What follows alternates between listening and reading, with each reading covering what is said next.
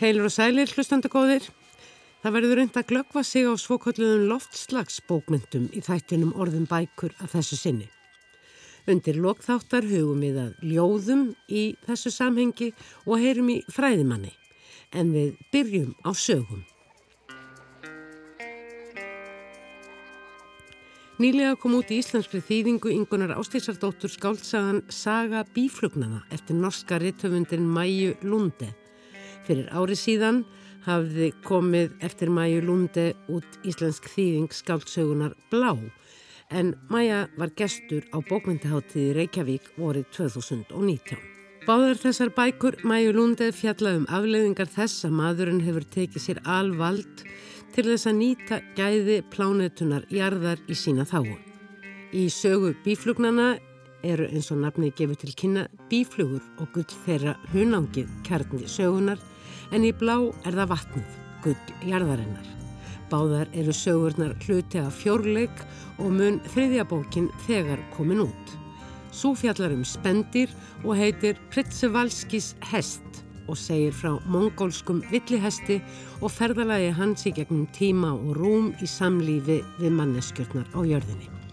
Síðasta bók fjörlegsins mun vera í smíðum en samkvæmt viðtali við Mæju Lunde í norska blaðinu Verdens gang í lók mars er upplegg bókarinnar Vírusfaraldur sem gerir aðal personu hennar munaðarlösa árið 2110.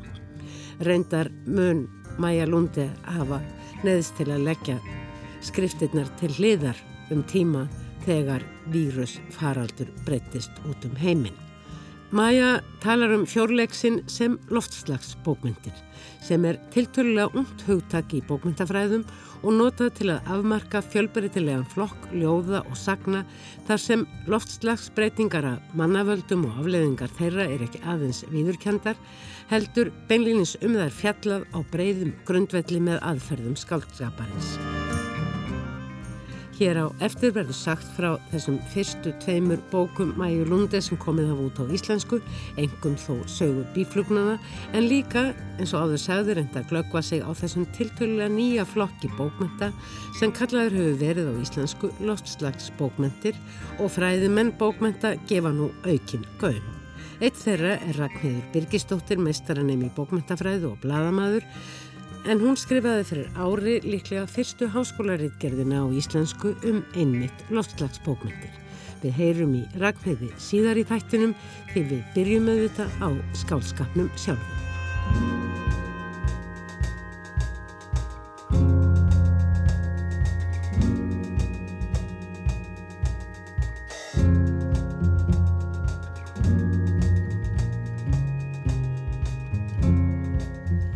Saga bíflugnana eftir hennar norsku Mæju Lund er kannski ekki beinlinis skemmtilestur en afar spennandi og áhugaverð bók þar sem sagðar eru ótal sögur af því hvernig bíflugnarækt þróaðist í heiminum og hver endalók hugvitsamlegra aðferða mannsins við að yrkja jörðina með tilherandi eituröfnum gætu orðið.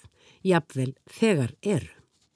Skáltsagansaga bíflugnana inniheldur í raun þrjár sögur og er hver þeirra borin uppi af einum sögumanni. Í tveimur sagnana er það karlmenn sem segja frá en í einni kona. Þetta fólk er á dögum á ólíkum tímaskeiðum sögunar um miðja 19. öld, árið 2007 og árið 2098. Þessu stílbræði að láta heildar söguna gerast á ólíkum tímaskeiðum sögunar og miðla þannig samhengi hlutana beitir Maja að því að best verður séð í öllum þremur bókum sínum sem þegar eru komnar út.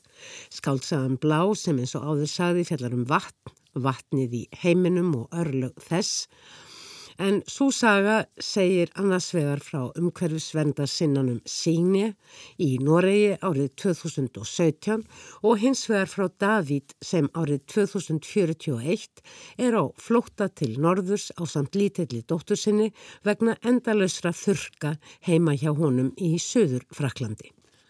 Með þessari aðferða grundvalla sögur um manneskjur við ólíkar aðstæður í ólíkum tímum í bókum sínum tekst Mæju Lunde að draga upp mynd af samhengi þróunar þeirra náttúru fyrirbæra sem mynda þunga miðju hverjar bókar fyrir sig. Hér verður fyrst og fremst fjallaðum sögu bíflugnana. En í upphafið þeirrar bókar er stokkið beint inn í framtíðina. Árið er 2098 og það er ung kona Tá sem segir frá. Tá býr á samt fjölskyldu sinni, eiginmannunum Kuan og senunum Wei Wen í 240. og öðru umdæmi Shirong í Setsuan í Kína. Eins og miljónir annara í Kína undir lok 2001. aldar vinna hjónin daginn langan við að handfrjófka ávastatrið því öngvar eru lengur bíflugarnar til þeirrar yðjú. Svo síðasta hafði vist sérst árið 2045. Eina von Tá er sonurinn sem er þryggjára. Fyrir hans hönd dreymir hann að stóra drauma um að honum gangi svo vel í skóla að hann komist í úrvalsflokk þegna ríkisins og verði því ekki eins og flest börn, nánast áður en þau slíta barskónum, skikkaður í handfrjókun eða annað ámóta einhæft og erfitt starf, svo fæða megi allt það fólk sem þó á þessum tíma, þegar að tvö ár er í næstu aldamót, lifir á jörðinni. Næst er lesandin kynntur fyrir William sem býr búið sínu í þorpinu Maryville í Heretsford skýri á Englandi árið 1852. Í upphafi likur William vegna óskilgreints slappleika í rúmi sínu og getur ekki fyrir sitt litla líf farið á fætur. Bílið með fræverslun sem fram að sjókleika hans hafi verið forsenda framfærslu fjölskyldunar, eiginkonunar, sonarins og dætrana sjö hefur vegna rúmlegu húsbóndans verið lokuð um nokkurt skeið. Fjölskyldan er jafnvel farin að líða skort. Með ísmeilegum bröðum tekst eiginkonunni þó vonum fyrr, fyrir að minnstakosti þann lesanda sem hér talar, að koma Viljam á fætur og opna insýn í að Karlföskurinn í rúminu á sér aðra hliðar. Ungur hafða nefnilega verið ástriðufullur og efnilegur nefandi í náttúruvísindum og beindust rannsóknur hans fyrst og fremst að bíflugum sem á þessum tíma um miðja 19. öld mun lítið hafa verið vitað um. Vísindaferill Williams fer þó fyrir lítið, að minnstakosti í hans eigin lifanda lífi. William er skapmaður, kannski fljótfær og ekki sérlega skipulaður. Sem ungur maður var hann nánast áður en hann vissi af kvæntur án þess að í raun þekka mikið til eiginkonu sinnar. En egnaðist eiga síður öll þessi börn. Vísinda áhín og námið var því að víkja fyrir bröðstriti fræðeslunarinnar. Reyndar hafði Viljam að er virðist þá þegar hálfpartin fyrirgert fram að sínum í náttúruvísindum með því að verða sér til skammar við að flytja fyrirlestur um ægslun bíflugna að undirlægi kennara síns sem Viljam dáir ósegjanlega. Fyrirlesturinn mislukast hrapalega enda efnið viðkvæmt og til aðhláturs fallið. Í kjálfærið snýr profesorinn baki við þessum uppáhaldsnefnda sínum sem sekkur æði dýpra í dagleg störf svo hann megi framfleita ört stækandi fjölskyldunni. William heldur samt í vonina um að öðlast viðurkenningu profesorsins á nýi. Eitt dag, mörgum árum síðar, virðist það jafnvel ætlað að gerast þegar profesorinn kallar William á sinn fund en ekki til að hvetja hann til dáða og ný, heldur í raun að þér virðist til þess eins að niðurlega framistöðu hans í lífinu og þar með vísindunum og lýsa yfir eftir sjá sinni að hafa veitt honum tækifæri og tíma til vísindastarfa sem ekkert hafi komið út úr þrátt fyrir fróðlegs físn Williams og aðdána að verða ástriðum. Hvort höfundur, það er að segja Maja Lundi er með þessum samskiptum profesorsins og fyrir um nefnda hans að gera okkur lesendum grein fyrir aðstæðum fræðilegra rannsóknaðum í því að 19. öld, ekki síst möguleikum þeirra lægra settu til rannsókna og náms skal ósagt látið. Hitt er þú ljóst að það var þessi niðurlæging sem var til þess að Vilján lagðist í rúmið þar sem lesandi sögu bíflugnana er fyrst kynntur fyrir honum. Það kemur þó að því að hann rýfur sig upp úr eimdini ekki síst til að sína frumburðunum og eina sinunum einhvers konar fordæmi. William fer aftur að skoða reikfatnar bækur sínar og rannsaka hegðun bíflugna og reyna að átta sig á hvernig best og handtagast sé að halda þær í búum og í þjónustu manna. Með eljusinni verður húnum talsvert ágengt og nýtur þar góðrar aðstóðar einnar dætra sinna sem stöðugt sniklast í kringumann nánast eins og ósýnilegur aðstóðamæður sem kannski var svo hegðun sem profesorinn á sínum tíma hefði viljað sjá hjá William sjálfum, svo að hann, profesorinn, mætti svo baða sig í fræðar ljóma niðurstaðana hans. En William, líkt og profesorinn á sínum tíma, gagvart honum sjálfum, sér ekki hlut dótturinnar Charlotte í þessum aðtögunum á bíflugunum og árangusríkum tilraunum sem þau í raun í sammenningu gera á bíflugnabúum því megin markmið hans verðist æfinlega vera það eitt að fá uppreist æru hjá profesornum Snakilla. Hann sagði ekki orð á meðan ég síndi honum búið. Með hattin hennar Charlotte og net fyrir andlitinu var ógerlegt að sjá framann í hann. Ég talaði æraðar og ákafinn heldtók mig því nú var ég að sín honum mitt eigið verk í fyrsta sinn. Það var svo margt og mikið sem ég þurfti að útskýra og segja frá.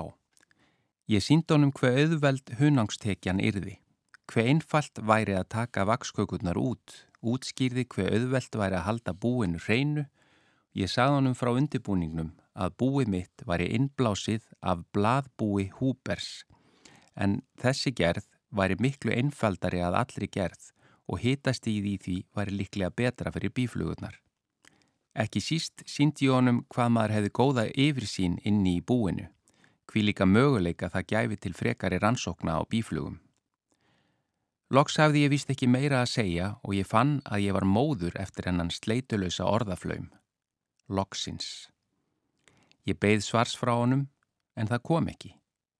Meðan þögnin dýfkaði á millokkar jógst ótti minn líka. Það myndi gleyðja mig að fá að heyra hvað þið finnst um þetta, sagði ég að lokum. Hann gekk í kringum búið, skoðaði það frá öllum hliðum, opnaði það og lokaði. Ég spenti greipar fyrir aftan bak. Hanskarnir voru rakir af svita. Svo kom það. Þér hafið smíðað Gerson búið. Ég starði á ram, ég skildi ekki hvað hann átti við. Hann endur tók orð sín hægt. Þér hafið smíðað Gerson búið. Hvað þá? Jóhann Gerson, prestur og bíflugnabóndi, pólskur en búsettur í Þískalandi eins og er. Þér hafið smíðað búið hans. Nei, þetta er mín eigin. Ég á við, ég hef ekki einu sinni heyrt um þennan tí... Týrsson. Ram snýri bakinu í búið, gekk fáinn skref frá, tók af sér hattin, andlitið var eldraugt. Var hann reyður? Það eru yfir tíu ár síðan ég las fyrst um búið hans. Hann hefur byrt nokkuð margar greinar um það í BNN-sætung. Hann mældi mig út með augunum sveiplaus. Ég veit jú að þér lesið ekki þetta tímaritt og greinar hans hafi ekki fengið útbreyslu nema meðal vísindamanna. Ég skil því vel að þér hefði ekki hirt um hann. Röttin var yfirlætisleg.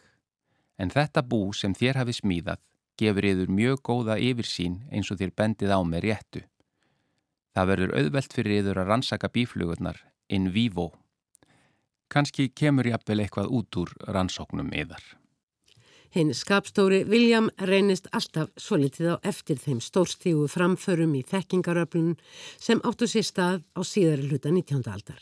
Egið síður eru það tilrönir Williams og Charlotte sem leggja grunninn að velgengnis George bíflugnabonda í Ohio í Bandaríkjunum þar sem fjölskylda hans hefur mann fram að manni stundað bíflugnarækt eða allt til ársins 2007 að þinn hræðilegi bíflugnadauði hefst. Bíflugnakvarfið hafði nú fengið nafn. Colony Collapse Disorder, skyndi dauði bíflugnabúa. Það var á allra vörum. Ég fann bragð af því. Orðin ringsóluði í húsinu. Það var hrinjandi í þeim og sömu bókstafetir. Sjén og óin og ellin og essin. Hálpartin eins og rým. Colony Collapse Disorder. Dilony Collapse Collorder. Silono Dollips Sílarder. Og eitthvað læknisfræðilegt við þetta allt saman eins og það ætti heima í herbergi með hvítum sloppum og mælingatækjum, ekki út á enginu mínu hjá bíflugunum. Ég notaði reyndar aldrei þessi orð, þau áttu ekki við mig. Ég segði frekar kvarfið eða vandamálið, eða ef ég var í verulega ítlu skapi, helvítis vesenið. Og helvítis vesenið á bara eftir að vestna og breyðast út. Tæpum 30 árum síðar hefur svo síðasta bífluga heimsins fallið í valin sem er vaktaður af afleiðingum loftslagsbreytinga, eiturefnanótkun í landbúnaði, vírusum og fjandsamlegum maurum, svo eitthvað sé nefnt. Án bíflugna er ræktun öll auðvitaði uppnámi, á endanum í raun öll matvala framleysla. Og í heimi Tao í Setsuan árið 2098 er kjöt til að mynda ekki lengur á bóðstólum. Allt ræktarland þarf að nota undir beina matvælaframlegslu fyrir þá sem eru enn á svæðinu en ekki til að fóðra sláturtýr. Eldsneitu og rafmagn er einnig þegar tvö ár eru í aldamótin af skortnum skamti og þar með hinn svokvölduðu hjól atvinnulífsins í hægagangi sem og aðrar forsendur fyrir því neistlu lífi sem við lifum í dag engar borgir lengur fullar af neytendum til að njóta alls þess sem nútíma samfélag dagsins í dag hefur upp á að bjóða. En svo tá kemst að raunum þegar hún kemur til Beijing í ákveðnum erindagjörðum sem lesendum er látið eftir að komast að raunum hverjar eru við lestur bókarinnar Saga Bíflugnana. Ég fann opið hótel rétt hjá Jórnbröðarstöðinni, réttjulegt og tómt en ódýrt. Handan götunar var veitingahús sem seldi einfaldan en vel útiláttinn mat. Ég fórðangað ákvaði ég geti und mér heitrar máltíðar í kvöld. Vissi að ég hef ekki ráðaði á hverjum degi, að minnstakosti ekki ef fíð átti að endast mér í meirin viku. Og ég hafði ekki hugmyndum hver lengi ég þurfti að vera. Ég færi ekki fyrir en ég hefði fundið hann. Úlingstrákur komi diskanda mér. Steikt hrísgrjón, það var allt sem var til á þessum fjölskyldurekna matstað. Þegar hann setti diskin á borðið sagði hann mér að pappi sinn eldaði matin. Þeir innu þarna bara tveir. Ég var eini gesturinn í veitingasalunum. Ég hafði ekki heldur séð margt fólk út á gödunni. Allt var öðri sig en með myndi. Hressileg og hávar borgin var horfin. Nú var fólkið flutt burt úr flestum húsana, gödurnar þögglar. Allur búsetu grundvöldur hér var horfin. Ég vissi að margir hefði verið fluttir nöyðungaflutningum til annara landsluta þar sem vantaði fólk til landbúnaðastarfa en ég var samt undrandi yfir algjörði þögninni sem ríkti nú. Borgin hefði vaksið og þróast upp á ákunumarki, svo hefði allt stöðvast og nú var aðeins hörnunin framöndan. En svo gömul manneskja sem beigð döðans, meira og meira einn, þögglari og þögglari með hverjum deginum gekk allt hægar. Einu upplýsti staðurinn var þessi litli veitingastadur Anspænis hótelinu. Annars var gatan auð. Frásagnirnar af lífi sögupersonuna þryggja byrtast í stuttum köplum til skiptis í sögu bílflugnana og er mæju lúndi engar lægið að kjarna þessa stöku kabla sem eru stuttir um ákveði viðfangsefni og endar yfirleitt hver kabli á einhvers konar spennupunkti og þannig tekst að skapa spennandi framvindu hvort heldur varðandi uppbyggingu bíflugnabúa í Herisford skýri árið 1852, yðandi bíflugnaræktina í Ohio árið 2007 eða upprisu bíflugnana í Kína árið 2098. En jafnframt er fléttaðin í söguna sögu fjölskyldnana sem hlut egað máli. Eins og hlustandum á ljóst vera er saga bíflugnana í heiminum í sambíli sínu við manneskuna ekki beinlinis upphörfandi. Maja Lundek kann hins vegar svo vel að lýsa personum sínum í samskiptum og aðtöfnum að sögur þeirra verða allar áhugaverðar. Þetta er ástriðu fólk þótt lífið leiki það að mörguleiti grátt. Lesandin kynnist líka ágætlega fjölskyldunum mismikið og mismörgum fjölskyldumæðlumum reyndar en nót til þess að auðlast áhugaverða insýn í daglegt líf, vonir og þrár á ólíkum tímum. Áður en Maja Lundi hófa að skrifa skáldsögur sínur um loftslagsmál hafði hún skrifað allmargar barnabækur en einni leikrit og sjómashandrit en það er hún mjög góð í að miðla aðstæðum í gegnum samtöl. Fyrst og fremst er það þó líklega fljetta sagnana þryggja og hvernig sögur personuna sem hér var tæft á speiklast hver í annari sem gerir að verkum að saga bíflugnana verður jafn áhuga verði lesning og raunbyr veitni. Í öllum sögunum takast á kynnslóðir. Börnin þró ekki alltaf með sér þann áhuga og markmið sem foreldrarni vænta, jafnvel ætlast beinlinnist til. Meira að segja hinn tryggjára vei venn í Setsuan í Kína er í uppreist gegn foreldrunum. Tom, sonur George í Ohio, vill alls ekki feta í fótspor forfæðrana og verða bíflugnabundi og Edmund, sonur Williams, er einfallega ónýtjungur. Það er jú Charlotte, elsta dóttirinn sem tekur við kindli rannsóknarhans og ber þekkinguna áfram. En hún er kona og kemst því ekki á blöð sögunar. Vei venn litli vill burra með smábíla og ærslast þó að móður hans reynið að kenna hann um að telja. Og svo er það framvinda þekkingarinnar sem hér er auðvitað fyrst og fremst þekking okkar á atferðli bíflugna í þeim tilgangi að temja þær til þjónustu við okkur mannfólkið sem með hverju tíma skeiði sögunar heimtum meiri og stærri afurður og með einfaldari hætti. Við höfum ekki bara gott af því að lesa um til hvers þessi framganga getur leitt. Það er líka gaman að öðlast yfir sín og átta sig á sögulegu samhengi hlutana. Eins og áður kom fram er það yngun ástísadóttir sem þýðir bækurnar báðar eftir Mæju Lundi sem komið hafa út á íslensku og gerir það vel. Það má jafnvel kenna mun á orðfæri í samiræmi við ólík tímaskeið í sögu bílflugnana. Auk þess sem öruglega hefur þurft að abla mikill að upplýsinga um orðfærið allt varðandi líf og leimi bíflugna og búgerð þeirra.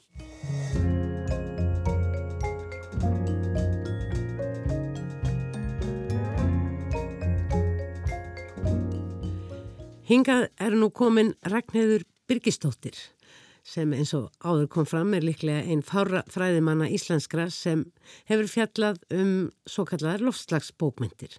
Þetta tiltörulega nýja flokkunar hugtak bókmyndafræðinar. Og Þú skrifaði Ragnæður, sannsagt bara í fyrra, bíaritt gerð um loftslagsbókmentir og kallaðir frá afneitun til þekkingar um loftslagsbreytingabókmentir, hlutverk þeirra og Flight Behavior eftir Barbaru Kingsolver sem mun jú vera bandarískur viðtöfundur mentuð í líffræði. En hún hefur skrifað nokkra skálsögur undir þessum hatti. Ég var hér áðan að segja frá bók Mæju Lundi, sögu bíflugnana sem er fyrsta bókin í því sem að Mæju Lundi kallar loftslags fjörleik. Er þetta nokkuð dæmigerð loftslags bókment, Ragnhjörður? Uh, já, ég myndi segja það. Það er rauninni hægt að uh, líta á loftslagsbókmentir svona svolítið tvíþægt, annars vegar þær sem að uh, tegja sér lengra í átt að vísindaskaldskap eða fantasíum eða slíkum verkum og svo þessar sem að tegja sig svona nær þessum raunsægislegu fagubókmyndum mm. og þessi er kannski nær þar þó að sé þessi framtíðasín líka uh, í einum af þessum þremur hlutum sem koma þar fram. Og en það er í þessum raunsægisbókum þá er kannski þrent sem að um, er hægt að gera nýta bókmyndaformið í til þess að uh, fjalla um loftasbreytingar það getur til dæmis verið þessi getgáta um um framtíðina. Það er mjög auðvelt að setja Hvernig fram. Hvernig hún eigi eftir að líta út. Einmitt. Og af hverju. Einmitt. Og svo er hægt að taka fyrir þetta persónlega, þetta menningarlega og félagslega, þessar breytingar sem geta orðið fyrir okkur mannfólki því við höfum auðvitað áhuga að lesa um, um mm. fólk sem er líkt okkur og við getum svona samsamað okkur með þannig að það sáþáttur kemur líka vel fram þar og svo er það sem er einna mikilvægast, það er að sína heiminn sem eina heilt sína hvernig áhrifin á einum stað geta haft eh, gert eitthvað að verkum annar staðir á nettinum og hvernig tíminn líka mm. um, skiptir máli hvernig eitthvað sem gerist fyrir hundra árum hefur áhrif núna og svo áfram í framtíðinni það, Þetta er í rauninni svolítið verið að opna já, hvað ég segja, víðáttur samhengis, Einmitt. bæði í tíma og, og rúmi. rúmi. Þú tekur þarna fyrir bók eftir uh, Barbara Kingsolver, uh, Kingsolver. Kíktu nú aðeins á það, það var engin bók verið þýtt eftir Nei. hann yfir íslensku, en hún er þýtt víða um, um heim og er uh, mjög vinsæl mm -hmm. og hún notar augljóslega þetta trikk sem er mikið beitt að að einhver personana, mm -hmm. einhver aðal persona þessara tegundar bókmynda er yfirleitt vísindamadur eða mikill áhuga maður um vísindi Ætli. þannig að það fléttast gætnan inn í þetta, já, má ég segja, staðfastar uh, upplýsingar uh, um uh, þau fræði. Einmitt, hún nýtir sjálfsagt þennan fræðibakgrunn sem hún hefur úr, úr lífræðinni og vísindamæður er, er ein af aðalpersonum sem kemur í rauninni inn á landaregn aðalpersonunar Della Róbíu. Hún er mjög skeftísk á loftslagsbreytingar og allir í hennar umhverfi þannig að það takast á uh, þessi ólíku viðhorf um, það bara hvort að loftslagsbreytingar séu í raun og veru raunverulegar mm. og, og svo lærir hún, hún verður í rauninni aðstofamæður uh, vísindabansins og fer að læra um þessa breytingar og, og verður orðin nokkuð fróð og, og fer að takast á við fólki í kringum sig. Mm. Einmitt, þetta, þetta snýst í rauninni svo litið um að eh, breyða út þekkingu. Einmitt. Og gera eh, lesendur meðvittaðri mm -hmm. án þess að prétika með því að segja í rauninni sögur. Einmitt. Það gæti næstuði sagt reynslu sögur. Þó það séu skáldaðar og allt það. Um, spurningin er svona almennt um bókmentalegt gildi uh, þegar þú varst að skoða þessar bókmentur og umfjöllun um mm. þær uh, og svona hvernig fræðimenn setja það niður. Já, hvað ég segja, eru þetta merkilegar bókmentir, þetta er eitthvað nýtt í þessu svona bókmentalega skáldskaparlega? Um, já og nei, það er náttúrulega ýmsir höf, höfundar sem að hafa bara nýtt sér þetta fyrirbæri til þess að skapa góða fléttu í um, þessum greina bókmyndum eins og vísindaskaldskap og fantasíu og jafnvel í glæpasögum eða ástasögum. einmitt. Og eru ekki kannski að hafa ekki það sem það er ekki markmiðið að fræða endilega. En svo eru önnuverk sem eru virkilega vönduð og, og taka á, á þessu vandamáli á svona mjög góðan hátt og gera það mjög aðgengilegt fyrir lesendur og, en hvort það er eitthvað nýtt bókmyndafræðilega Er þetta pólitískar bókmyndir? Já, já, það er náttúrulega verið að gaggrína, það er náttúrulega eitt af því sem bókmyndir geta gert er að vera í samtali við samtíma sinn og gaggrína uh, það ástand sem er og kannski það aðgerðaleysi og, og, og eins valdaleysi einstaklingsins og, og þetta sem við stöndum fram með fyrir núna. En í rauninni hefur hafa loftslagsbreytingar kallað á ymsa höfunda í gegnum söguna. Einmitt. Þegar ég fór að skoða þetta þá uh, rakst ég á það að Jules Verne skrifaði bók bara uh, á, sent á 19. öld sem á að gerast árið 1960 þar sem að miklar loftslags kúvendingar hafa átt sér mm. stað mm. og, uh, og breytingar á ísalögum norðusinn sem að á þeim tíma sem bókin er skrifuð er náttúrulega ekki náttúrulega eins, eins kannad svæði eins og í dag en þessar breytingar hafa orðið vegna uh, uh, nýkunar á, á uh, segulpólum jarðar en ekki af mannavöldum og síðan heldur þetta í rauninna áfram en fær svona byrjundi báða vangi án þess að hugtakið eða, eða þessi flokkun hafa orðið til sent á 20. öld mm. og maður þannig nefna höfunda eins og Margréti Artfút og Ian McEwan og, og uglust fleiri og jáfnvel svona kvartett hefur verið skrifaður áður þar sem að svona frumefnin í náttúrun eru tekinn fyrirlíkt og mæja lundi þetta, þetta virðist aðkallandi og þessar bækur hafa notið mikill að vinsælda. Mm -hmm. Barbara Kingsolver er, er mjög vinsæl höfundur ekki satt. Jú, það verður svona einhver sprenging svona um 2008 um, þá hafa verið komið út þessar bókmyndir alveg miða 20. öld og, og mikið á 7. og 7. áratunum mikið í kringum 1990 þá verður líka aukning en svo gerist eitthvað árið 2008 þá verður svona algjör algjör sprenging og, og sem er hafa tengt það til dæmis við, við kveikmynd Al Gore, The Inconvenient Truth sem svona, var mm. gerð til þess að auka vitundavakningu í, í samfélaginu. Já og fór náttúrulega um allan heim mm. og hann uh, sem sagt uh, hátsettur valdamaður mm. sem að hérna gæti mögulega haft áhrif á hans rödd heyrðist.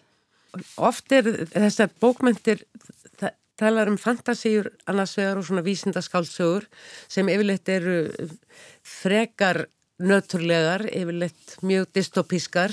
Það eru hóraðar manneskjur og vonlausar að ferðast um eigðilegan heim.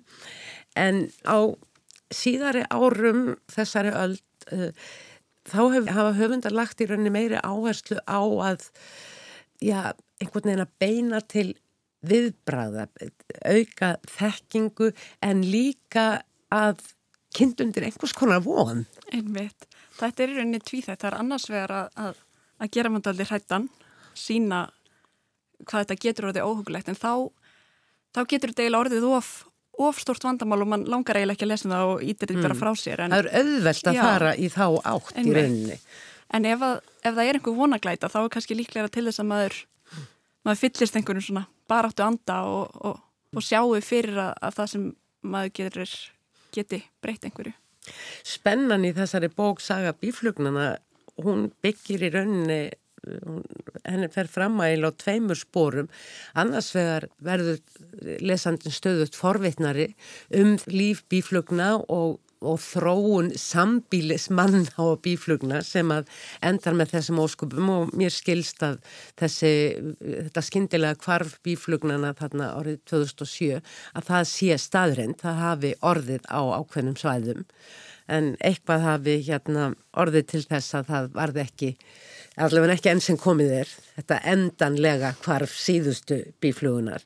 Þetta er eh, annar þráðurinn en hinn spennuþráðin sem við fylgjum eftir er náttúrulega personurnar og þeirra líf, bæðis daglega líf og í vísindunum og þessi átök kynnslóða, það er mjög ábyrgand. Er það ábyrgandi tema í uh, loftslagsbókmyndum? Ég held að það verði alltaf ósalrátt að einhverju leiti af því að við, þetta snýst náttúrulega um þróun og, og framtíðasín og margir hafa áhyggjur af, af sínum börnum og og börnin kenna síðari fyrri kynnslóðum um þetta. Já, og vilja gera og betur, vilja gera betur. Og, og það getur orðið núningur í, í því hvað fólk trúir og hvaða ábyrð fólk er tilbúið að taka. Þannig ég held að kynnslóða svona átök séu mjög mm. mikilvægi í þessum bókmyndum Og þetta með tímaskeiðið, Maja Lunde leysir þetta með því að, að láta í bókum sínum að því er verðist öllum þremur sem hún hefur þegar skrifað að fara fram á mismunandi tímaskeiðum og láta okkur lesendunum í rauninni eftir að tengja, þó hún gerir það líka sjálf að einhverju leiti. Er þetta líka eh, algeng aðferð að, að fara svona eh, fram og aftur í tíma? Já, að einhverju leiti þá er það mjög gaglegt hól, það er alls ekkit í öllum. Nei. Þetta er náttúrulega ofsalega stort reglífa húttak og, og mikið sem að fellur hann undir þannig að það er erfitt kannski að alhæfa en, mm. en það er mjög algengt að það sé verið að hérna, sína þessa tíma línu okkar, okkar mannöld sem eina heildstæða svona mm. þróun. Það er einmitt, þú nefnir þarna hugtak sem er kannski ekkit mikið eldra heldur en einmitt uh, hugtakið, greiningar hugtakið loftslagsbókmyndir, mannöldina og uh, þar er einhvern veginn svona jarðvegurinn þessi viðurkenning á eða skulum segja e, þessar spurningar sem settar eru við alvald mannsins Einmitt. yfir umhverfið sínu Einmitt. Samspil manns og náttúru er náttúrulega í, í aðal hlutverki í, í þessum bókum öllum og, og því hafa ímsi fræðimenn um, kallað þennan bókaflokk um, mannaldar bókmentir. Mm. Það er annað hugtak sem er líka notað. Það sem er sagt, lögð áherslu á að nú sé komin breyttur tími. Það sé að nú sé maðurinn í aðalhlutverkið að hafi sett sig í svona valdastöðu yfir, mm. yfir heiminum og, og þessar breytingar sem hann hefur gert og hvað áhrif þær hafa eru í í forgrunni.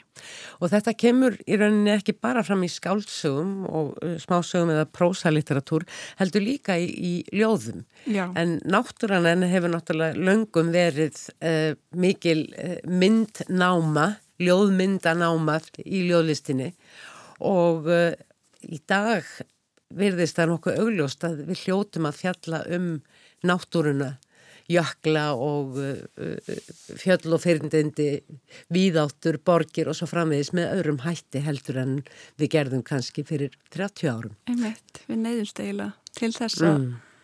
að nýta þetta, þetta myndmál á, á annan hátt. Hvað kom til að þú ákvæmst að skrifa um þetta? Hvernig dastu niður á þetta? Mm, ég held að séu margir háskóla nemar sem að eru uppteknir af þessu vandamáli og mm. finnast þetta aldrei valda lausir og, og ég fannst aldrei erfitt að vera að læra bókmyndafræði sem að er erfitt að sína fram á að gagnist hugvísindin uh, eru mikilvæg en, en það er dundum erfitt að, að sannfara sjálfansi um það þannig að við langaði að kanna svona þessi tengsl lofslagsbreytinga og, og bókmyndana og, og daldi kanna eða gera tilrönd til þess að kanna hvort að þetta geti haft einhver áhrif. Hvort það sé einhverja von þarna að finna og, og svo framvegs Þetta er í rauninni svolítið þessar bókmyndir eins og allar bókmyndir þær gef okkur tæki til að hugsa til að nota í, í, í hugsun okkar og tengja kannski upp á nýtt. Í þinni skoðun á fræðum og, og höfundum gafstu séð að þetta væru bókmyndir sem að væru, já hvað ég segja, í meiri framgangi, meiri metum í einhverjum einum heimsluta löndum heldur en öðrum? Um, ég einblindi dálitið á bandaríkin af því að verki sem ég valdi mm. Flight Behavior, hennar Kingsolver gerist þar þann, og þar verðist uh, mikil fræði umræða vera um þessa bókmyndagrein og sem við kannski svona í mótvægi við þá mm. stjórnarhætti sem eru þar og, og allavega í augnablikinu, í augnablikinu og, og kannski einhverju tilrönd til þess að uh, berjast gegn afneitun og berjast gegn vanþekkingu á, á vandamálunu. Mm. Svona fræðibækuna sem ég nýtti mér hafa flesta komið þaðan. þaðan já. já. En vantanlega er eh, standa umræður og, og, og rannsóknir á þessu sviði líka með, með blóma í Evrópu. Hvernig eh, á Íslandi, lofslagsbókmyndir á Íslandi, skoðaður það eitthvað? Ég hef svona tilfinningun, Andri Snær hefur náttúrulega skrifað mjög mikið og og hreyfir sig svona á mörgum staðrendaskaldskapar og, og, og algjörlega skaldara bókmynda og svona notað framtíðar bókmynda hérna aðferðina. En annars hef ég á tilfinninguna að þetta sé aðalega kannski í beinum vísindaskaldskap þar sem ég þekki nú ekki mikið til og svo í barna og ungmennabókum. Einmitt, ég eh, hafði fyrst ætlað mér að, að skoða íslenskar bókmyndir í þessu samhengi en fann ekkert sérlega mikið sem að mér langaði að fjallum. Það var eins og segir að kannski einhver leiti í þessum vísindaskálskapin. Ég hafði mestan áhuga á þessum raunsæslegu bókmyndum, fagubókmyndum og þá var náttúrulega bók Andras næst ekki komin út þessi frægasta um tíman á vatnið mm. um, eða svo frægasta sem fjallar um þetta uh, efni en það er kannski helst í ljóðunum um, það mætti nefna kannski vistarverur eftir Haug Ingvarsson sem tekur á þessu samspilimanns mm. og náttúru og um, ljóðabókinans Kára Túliníus líka og, uh, og svo auðvitað sem ekki var komin út þá Dimmum út steinar Já. en svo einmitt uh, aðalega Já, í barna, barna og ungmenna bókum. Þar hafa höfundarnir svona tekið slægind á litið mér finnst eiginlega ótrúlegt hvað fáir af þeir sem skrifa fyrir fullorna hafa hafa demt sér út í þetta. En þetta mm. er erfitt uh, efni að fjalla um, maður þarf annars verið að leggjast í mikla rannsóknarvinnu svona vísindarlega mm. og svo er það má ekki klikka, nei, það má ekki vera staðrönda vittlisur og svo er þetta líka bara efni sem er erfitt að lesum mann langar ekki að vera að velta sér upp úr þessu neikvæða sem er í kringum okkur mm. það er nóga því í fréttum og, og svo leiðis Já, ég verði að viðkenna þegar ég var að lesa sögu bílflugna þá spurði ég sjálf á mig svona hvað er ég að lesa þetta? Þetta er nú ekki beint uppörfandi. En svo verður þetta svo spennandi. Þú færð svo mikinn áhuga á, uh, á þessum personum, á þessum, þessu sögulega umhverfi. Kanski má segja að þetta sé sínuleiti líka feminísk bók og, uh, og það fannst mér aðteglisvert þar í tveimur uh, uh, sagnaþráðana í sagabílfluguna er það Karlmess sem segja frá og í þeim sem að gerist síðast í tíma þarna rétt undir aldamótin 2100 þar er það kona. Og þessi staða konunar hún kemur svo glögt í ljós og kannski er ekki alveg hægt að aðskilja þetta. Er þetta til dæmis hjá Barburu Kinsólfur eh, líka eh, svona einhver, einhver þráður? Það er mjög feminist bók um, um heimaverandi húsmóður sem að gera lítið annað en að hafa áhugjur af, peningum og sinna börnunum og, og sjá um að eiginmaðurinn fá að borða og, og svo verður hún svona eh, vald eblist eða svo leysi við kynnin af þessum þessum vísindum mm -hmm.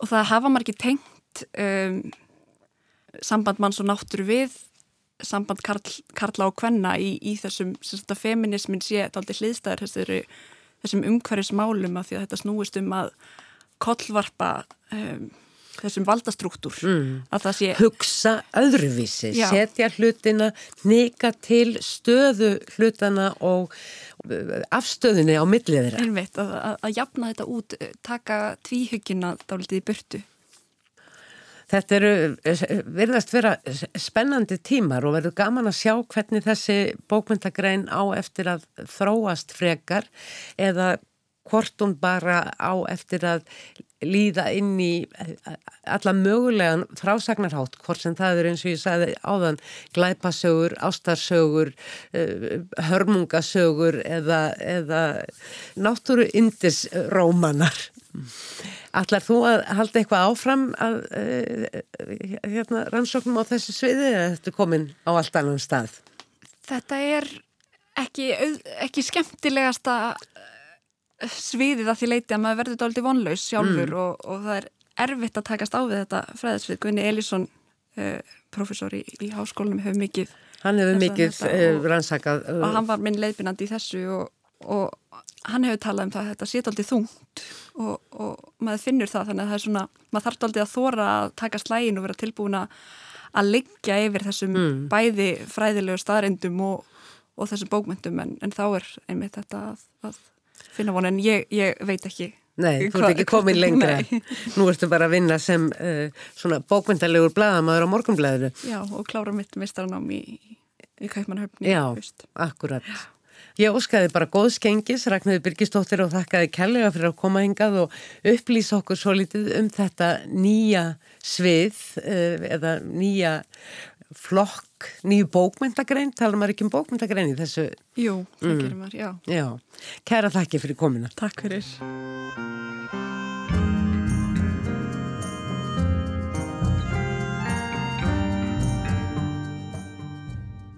Loftslagsbókmyndir er örglega hugtak sem þeir sem fylgjast með bókmyndum eiga eftir að heyra meira um á næstunni.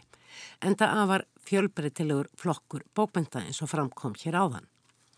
Ragnæður Birgistóttir nefndi leiðbeinanda bíarrið gerða sinnar Guðna Elísson, professor í bókmyndafræði við Háskóla Íslands. En Guðni hefur sérstaklega lagt sig eftir vistfræðilegri nálgun í bókmyndaransóknum. Hann var til að mynda reittstjóri fyrsta tölublaðs reittsins tímareits hugvísindastofnunar árið 2016 en efni þess var einmitt loftslagsbreytingar. Frásagnir af þeim og aðferðum okkar við að segja sögur af viðbróðum og mögulegum lausnum sem og um þá hugmyndafræði sem liggur þar til grundvallar. Í heftinu sem er aðgengilegt á netinu er með öðrum orðum að finna fjölda greina um loftslagsbreytingar og bókmyndir þar á meðal eina eftir Guðina sjálfan sem byr yfirskriftina ljóðið á tímum loftslagsbreytinga.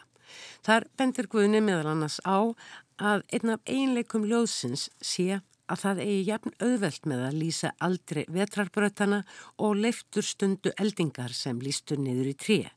En eins og framkom í samtala okkar Ragnhildar hér áðan er samstuð og eða speiklun sögulegra tímaskeiða og personlegra augnablika eitt af því sem ennkennir frásagnarmáta loftslagsbreytinga bókmynda.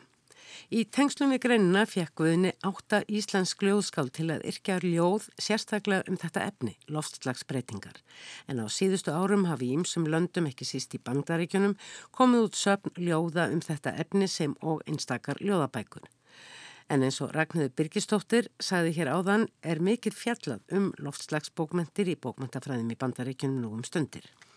Fyrir tveimur mánuðum skrifaði bandaríska ljóðskáldið og greinahöfundurinn Eliza Gabbert um nokkrar slíkar ljóðabækur í tímaritið New York Review of Books í grein sem hún kallaði Poems from the Storm, ljóð úr storminum.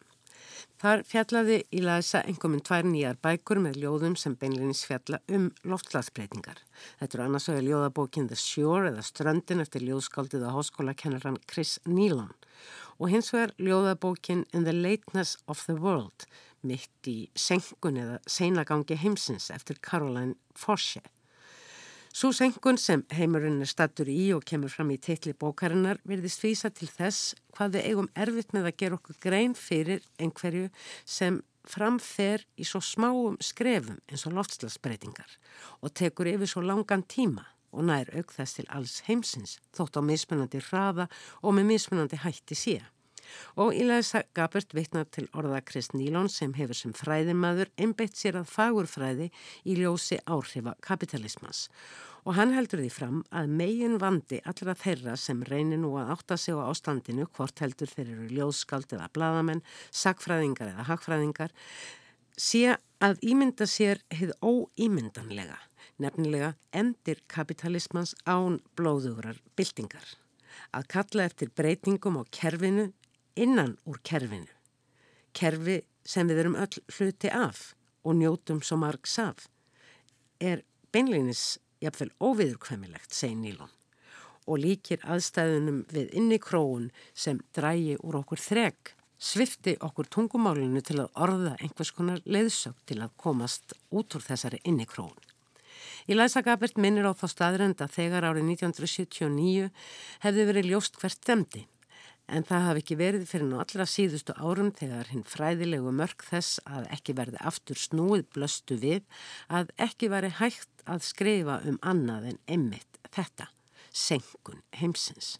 Ekki svo að skilja, segir Ílæsa í grensinni, að skáldin haldi ekki áfram að skrifa ljóð um kynlíf og um rygninguna í jarðarför móður sinnar. Munurinn er að ljóðin um kynlífið og jarðarföruna eru nú líka um loftslagsbreytingar. Augljóslega eða ekki. Við stöndum á einhvers konar egg, segir hún, millir fortíðar og framtíðar.